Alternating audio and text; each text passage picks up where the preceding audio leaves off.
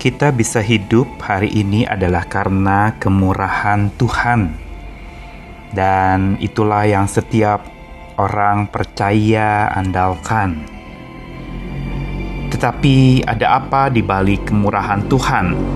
Apa yang Tuhan ingin nyatakan lewat kemurahannya? Apakah hanya membuat kita menjadi penikmat-penikmat kemurahan Tuhan? Saya Nikolas Kurniawan menemani kita dalam sabdanya menyapa kita lagi hari ini dari Roma pasal yang kedua ayat keempat sampai yang kedelapan. Maukah engkau menganggap sepi kekayaan kemurahannya, kesabarannya dan kelapangan hatinya? Tidakkah engkau tahu bahwa maksud kemurahan Allah ialah menuntun kamu kepada pertobatan. Tetapi oleh kekerasan hatimu yang tidak mau bertobat, engkau menimbun murka atas dirimu sendiri pada hari waktu mana murka dan hukuman Allah yang adil akan dinyatakan.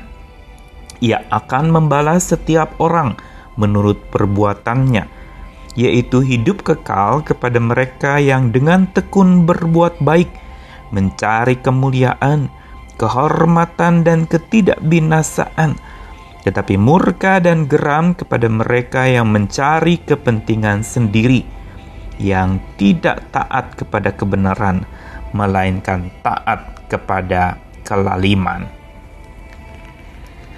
Saudara, kemurahan hati Tuhan berarti tindakan kebaikannya. Di dalam kandungan makna kemurahan Tuhan itu ada kesabarannya, ada kelapangan hatinya.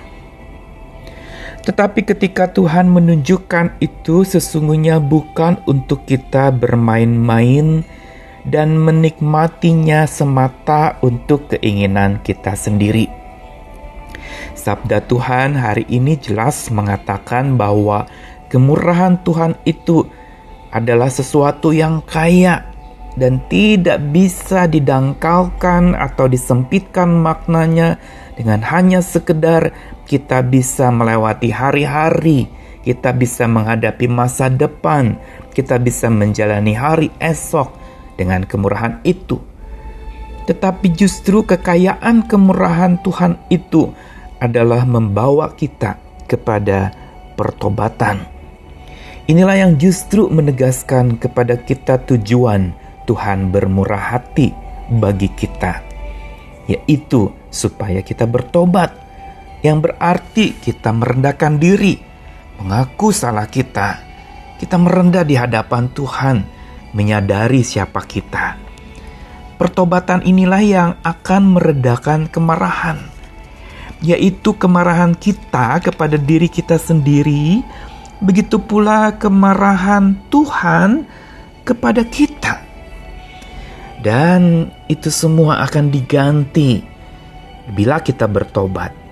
Kemarahan Tuhan berganti menjadi kemurahannya, bahkan keramahannya kepada kita. Begitu pula pola yang sama ini dapat kita terapkan di dalam hidup kita sehari-hari dengan sesama kita, dengan rekan-rekan kita, dengan orang-orang lain di sekitar kita, yaitu kita yang dipenuhi oleh kemurahan Tuhan.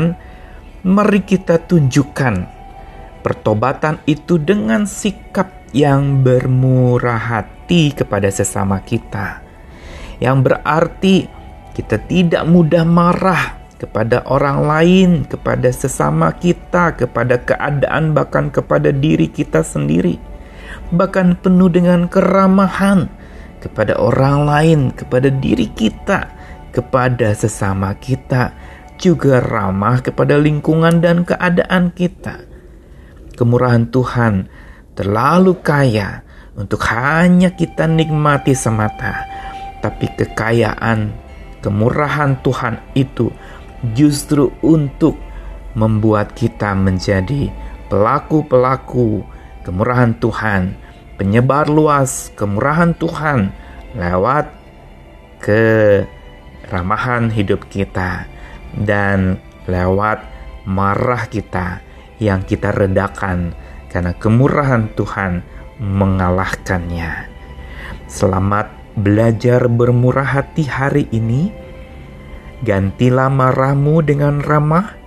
Tunjukkanlah kemurahan Tuhan lewat hidup yang saling membantu sesamamu. Dari situlah kemurahan Tuhan dinyatakan melalui kita.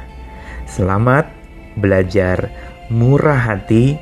Selamat mengganti marah kita dengan kemurahan untuk sesama kita. Selamat beraktivitas, selamat jalani hari ini bersama kemurahan Tuhan.